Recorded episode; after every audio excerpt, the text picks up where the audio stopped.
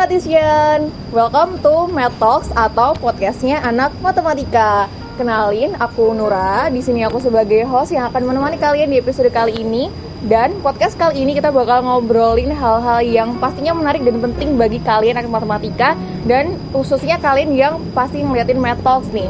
Dan di sini aku nggak sendirian, kita akan menghadirkan narasumber yang pastinya terpercaya untuk topik kali ini. Kira-kira apa ya topiknya? Disimak baik-baik sampai akhir ya.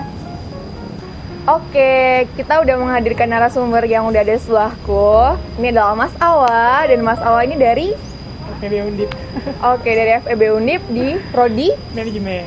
Oke, selamat datang Mas Awa. Sekarang Oke, kesibukannya apa nih? halo. Oke, untuk kesibukannya mungkin karena sekarang udah semester 7 eh, udah nggak ada kelas lagi nih, paling cuma skripsi dan sedikit bantu tetek Undip gitu. Oh, oke, sebagai bantu Tetex Undip. Untuk skripsinya gimana? Alhamdulillah lancar. Insya Allah lancar-lancarin. Semoga selalu dilancarkan ya untuk skripsinya. Nah, karena kita bawa topik beasiswa nih Mas dan aku dengar Mas Awa ini adalah penerima beasiswa dari Eh, yang pertama dari Rumah Kepemimpinan, yang kedua dari Smart Scholarship BRI. Oke, keren banget nggak sih sekaligus menerima dua beasiswa ya Mas ya, alhamdulillah banget. Nah, boleh dong sharing-sharing gimana ceritanya bisa dapat beasiswa tersebut, apalagi sampai dua gitu.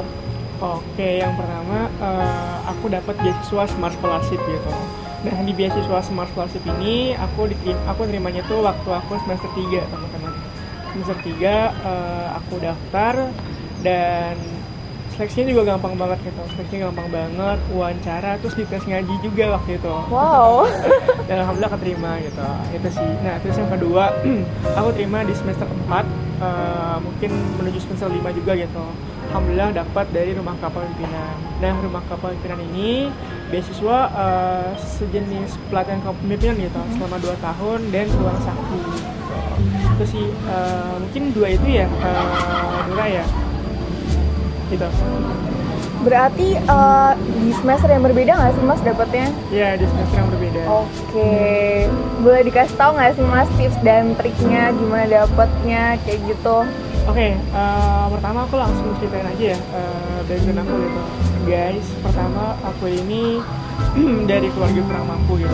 Tapi aku bukan menerima beasiswa atas dasar aku kurang mampu teman-teman. Gitu.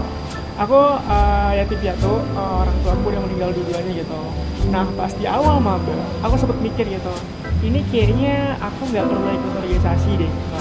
Ini kayaknya aku nggak perlu ikut kegiatan kampus deh. Gitu mendingan aku kerja aja gitu supaya dapat uang supaya bisa makan dan sebagainya. Nah tapi pada akhirnya ya mungkin aku pengen banget gitu uh, ngelakuin apa-apa hal banyak hal yang gak bisa aku lakuin di luar kampus. Akhirnya aku coba ikut organisasi aku ikut kepanitiaan aku coba kontribusi di sana sini gitu. Sampai pada akhirnya ketika ada momentum beasiswa itu ngoprek ya aku udah siap gitu. Aku udah punya banyak uh, apa ya kontribusi yang bisa aku tawarkan gitu ke beasiswa gitu jadi eh, teman-teman semuanya eh, persiapkan dulu aja gitu persiapkan dulu aja eh, kontribusi terbaik teman-teman yang mau disiapkan visi teman-teman apa aja gitu nah nanti ketika beasiswanya itu udah ada udah oprek teman-teman tuh siap gitu siap bersaing buat yang lain gitu. Oke, berarti untuk mengikuti beasiswa itu yang aku tangkap adalah kita punya hal yang bisa kita tawarkan nggak sih Mas? Kita punya pengalaman apa aja yang bisa kita cantumkan untuk uh, ibaratnya syarat untuk pendaftaran gitu nggak sih? Iya. Nah, cuman gini, hal yang bisa ditawarkan itu dari kita yang bisa kita tawarkan itu bukan kita tawarkan kepada pemberi beasiswa gitu. Tapi buatlah seolah-olah pemberi beasiswa itu tuh ngasih beasiswa ke kita eh, secara gak langsung bakal ngasih ke orang lain juga gitu, paham nggak? Iya, oke. Jadi eh, kita ngasih eh, menawarkan nih eh, rancangan kontribusi kita, tapi kita juga eh, meyakinkan mereka gitu. Oh kalau aku nerima beasiswa, aku bakal berdampak lebih banyak nih ke orang-orang gitu. Aku bakal ngasih manfaat lebih besar nih ke orang-orang nih gitu itu sih eh, kurang lebih ya eh, tips buat melamar beasiswa gitu Iya, kadang-kadang itu sih Mas yang menurutku adalah miss gimana cara kita sebagai nantinya kalau ditanggung jawabkan untuk menerima beasiswa apa yang bisa kita bisa kita berikan untuk orang lain. Kayaknya banyak banget uh, mungkin aku sendiri yang miss apa ya bakal aku kasih ke orang lain kalau misalnya aku menerima beasiswa ini. Mungkin itu yang bakal yang harus kita renungin sih. Iya jadi mumpung uh, barangkali kita masih lama di kampus gitu coba disusun dulu aja gitu. Visi kita di kampus ini mau ngapain gitu? Apakah kita mau jadi KBM kah gitu? Apakah kita mau jadi anak lomba? Apakah kita mau kontribusi di sosial kah gitu nah itu semua gak apa-apa banget gitu. Semua orang itu punya cara masing-masing dalam mencintai negerinya. Semua orang itu tuh punya cara masing-masing dalam berkontribusi gitu teman-teman semuanya. Dan teman-teman aku tuh nggak cuma anak organisasi gitu mau beasiswa gitu. Ada juga yang uh, ya anak-anak lomba gitu. Ada juga anak yang yang tiap hari jadi apa ya jadi guru di di sana buat apa buat buat kasih les gratis gitu. Itu semua nggak apa-apa teman-teman semuanya. Uh, yang penting kita uh, nggak berdiam dari kampus yang penting kita bisa menawarkan gitu uh, kalau aku lima beasiswa aku janji aku bakal ngasih manfaat lebih banyak ke orang lain. Oke okay. sangat-sangat ini sih memberi insight bagi aku karena semua orang punya caranya masing-masing untuk ngasih buat orang lain. Keren banget terima kasih banyak untuk tips dan triknya. Dan kita lanjut ke pertanyaan yang selanjutnya ya. Oke, kita lanjut ke pertanyaan kedua. Tadi setelah kita ngobrol ngobrol tentang tips dan trik, selanjutnya aku mau tanya nih, untuk tahapan-tahapan seleksinya, mungkin bisa ceritain setiap beasiswa yang didapat ya, Mas? Itu kira-kira apa aja sih? Oke, uh, aku dapat beasiswa yang pertama itu dari Smart Scholarship ya. Nah, kalau untuk Smart Scholarship ini mungkin aku udah agak-agak lupa gitu, karena emang udah lama banget ya. Cuma dan mungkin eh, tiap tahun bakal berubah juga gitu tahapan seleksinya. Tapi yang jelas waktu itu uh, ya biasa apply berkas terus CV terus habis itu uh, masuk ke prestasi-prestasi juga barangkali boleh. Terus dikasih uh, berkas wawancara. Wawancara waktu itu kalau masalah cuma 10 menit gitu. Uh, 10 bahkan uh, kurang gitu teman-teman jadi uh, di 10 menit itu dibuktikan aja gitu. Uh, kalau kita itu menarik kalau kita itu tuh keren gitu. Terus nah habis itu baru deh uh, kepilih gitu. terus kalau dari sesuatu sama kepemimpinan itu uh, lumayan panjang banget seleksinya. Yang pertama biasa ya upload berkas upload ribbon terus bikin esai juga bikin esai juga terus bikin uh, motivation letter juga. Nah habis itu setelah itu uh, sebelum wawancara kita bakal masuk tes psikologi dulu gitu. Tes psikologi dulu uh, kalau nggak salah itu ada tes uh, apa ya tes terkait sikap juga gitu ya. Uh, gimana kalau seandainya uh, ada gini-gini gitu. Oh sikap kita gini-gini gini gitu. Nah terus setelah itu uh, baru oprek uh, baru seleksi wawancara. Nah seleksi wawancara ini juga agak pressure ya gitu. Karena waktu itu yang uh, wawancara aku tuh langsung CEO-nya langsung gitu. CEO CEO yayasannya langsung gitu. Dan uh, waktu itu ya uh, kalau boleh sering aja gitu. Waktu wawancara aku tuh bahkan sampai apa ya waktu itu sampai mamer gitu. Uh, memamerkan kalau di kosan aku tuh ada perpustakaannya gitu. Kalau aku sendiri tuh punya perpustakaannya gitu. Jadi uh, buktikan gitu.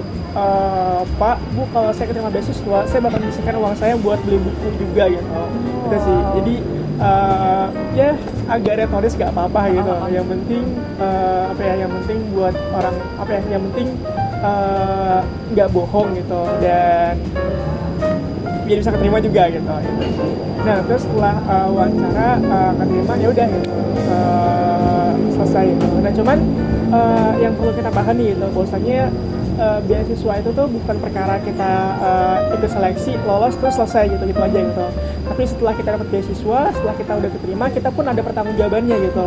Misalnya nih dari di, dari scholarship harus ikut harus ikut semua program-programnya gitu harus ikut semua pelatihan-pelatihannya gitu. Nah kalau untuk uh, teman pemimpinan juga gitu selama satu setengah tahun harus komitmen juga gitu buat ikut program pengembangannya harus ikut mentoringnya harus ikut uh, program-program besarnya gitu. Harus ikut barangkali proyek sosialnya gitu. Jadi uh, seleksi beasiswa itu hanya tahapan awal gitu.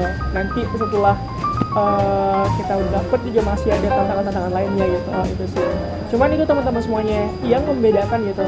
Uh, apa ya yang bedakan itu antara satu beasiswa sama beasiswa lain itu pasti ada ada bedanya gitu. Nah uh, semua beasiswa itu punya karakteristiknya dan semua beasiswanya itu punya pesan-pesannya gitu. Barangkali yang rumah kepemimpinan uh, gitu mencetak para pemimpin yang smart scholarship juga kayak gitu mungkin barangkali yang smart terus ada juga barangkali yang beasiswa, beasiswa sosial juga uh, fokusnya ngebentuk nih para aktivis-aktivis sosial gitu. Dan teman-teman tuh harus menghayati gitu. Itu sih supaya ya benar-benar uh, apa yang diharapkan dari dari pemberi beasiswa itu tercapai gitu. Oh pengen nih uh, lewat beasiswa ini uh, punya banyak pemimpin gitu. Oh pengen nih uh, lewat beasiswa ini punya banyak uh, digital talent gitu. Oh eh pengen nih punya lewat beasiswa ini uh, dapat para sosial gitu. Itu sih Oke, aku nangkep dua hal yang menurutku ini perlu aku bahas lebih lanjut nih mas. Yeah. Yang menurut aku penting untuk para pendaftar beasiswa. Oh. Yang pertama itu adalah wawancara tadi. Apa sih yang harus disiapin? Apakah kita harus pakai bahasa Inggris nih? Kan banyak ya beasiswa yang uh, mengharuskan untuk pakai bahasa Inggris. Nah yang kedua adalah yang menurut aku raga, rumit lagi adalah ini essay dan juga motivation letter. Dan yang di mana itu adalah dua instrumen penting ya sih mas dalam pendaftaran beasiswa. Itu ada nggak sih caranya untuk buat mungkin motivation letter untuk essay dan lain sebagainya? Boleh cerita aja oke okay, untuk pertama ya essay dulu aja kali ya. Okay. karena setelah essay baru wawancara gitu. Nah pertama kalau untuk tips buat essay sendiri uh, coba gitu. Jangan buat essay yang terlalu muluk-muluk jangan buat essay yang terlalu ketinggian gitu. Paham gak sih? Jadi misalnya nih uh, aku nulis gitu sebagai mahasiswa ekonomi aku pengen banget uh, membangkitkan Mugen Sukoyomi gitu. Aku pengen jauh banget ya. uh, merubah dunia gitu. Nah itu kan agak terlalu tinggi ya gitu. Dan itu nggak terukur juga gitu nggak terlalu realistis juga gitu teman-teman. Jadi coba buat uh, dia saya itu coba buat visi yang spesifik uh, kontribusi yang spesifik uh, yang sederhana nggak apa-apa begitu. Yang penting spesifik gitu dan terjangkau sama kitanya gitu. Sehingga uh, apa ya uh, selektor beasiswa tuh nggak apa ya uh, nggak terlalu ragu gitu sama kita gitu dan bakal percaya gitu. Itu sih. Nah terus yang kedua untuk saya sendiri itu sebenarnya uh, yang penting ya kalau kata mentor aku juga gitu coba uh, bener-bener ditulis apa visi kamu gitu apa visi kamu di kampus gitu uh, teman-teman semuanya uh, di Undip itu banyak banget orang hebat gitu. Di Undip itu banyak banget mahasiswa keren mahasiswa berprestasi gitu. Tapi nggak semua gitu mahasiswa keren itu punya visi. Sepakat ya sepakat banget. Sepakat banget gitu. Dan makanya yang harus membedakan kita dengan uh, para selektor para beasiswa para pelamar beasiswa lainnya adalah uh, visi kita gitu gitu uh, oh pak saya mungkin sekarang masih menjadi staff gitu. Tapi saya mimpi dalam dua tahun ke depan saya bakal jadi ketua HM matematika gitu. Okay. pak saya mungkin uh, saat ini belum bisa bikin esai gitu. Tapi mungkin uh, selama dua tahun ke depan saya bakal nulis di koran gitu. Nah itu boleh banget teman-teman. Itu malah bagus banget gitu.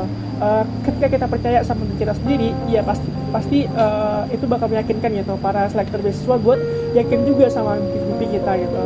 Itu sih teman-teman. Mungkin dua tips inti ya uh, aku waktu itu melamar beasiswa gitu yang membuat aku terima dua beasiswa. Nah, hmm. untuk tips-tips lain seperti uh, gimana sih tata bahasanya, terus uh, apa kalimat-kalimat apa yang harus di apa ya harus dimasukin itu kayaknya bisa teman-teman pelajari sendiri ya di yeah. banyak banget gitu. Oke. Okay.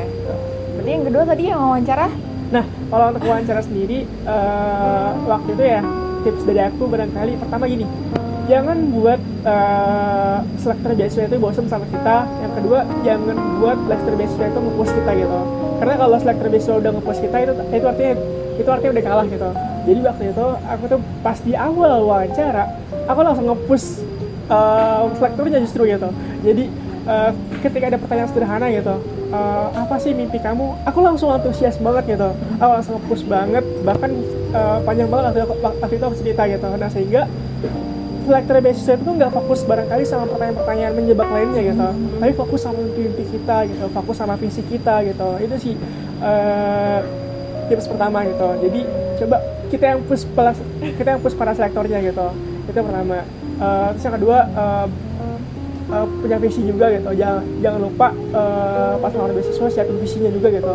Visi kita visi kita pribadi apa gitu. Nah, terus yang ketiga coba yakinkan orangnya gitu uh, yakinkan selektor beasiswa bahwasanya ketika kita menerima beasiswa maka uh, kita juga bakal lebih banyak uh, kesempatan buat kasih ke orang lain juga gitu ketika selektor beasiswa ngasih ngasih kepercayaan ke kita ya buat seolah-olah uh, selektor beasiswa juga ngasih ke orang lain juga gitu misalnya uh, pak saya mungkin hanya punya pengalaman sebagai guru uh, les buat anak-anak gak mampu gitu. Nah uh, ya nggak apa-apa fokus ke situ aja gitu fokus ke situ aja gitu.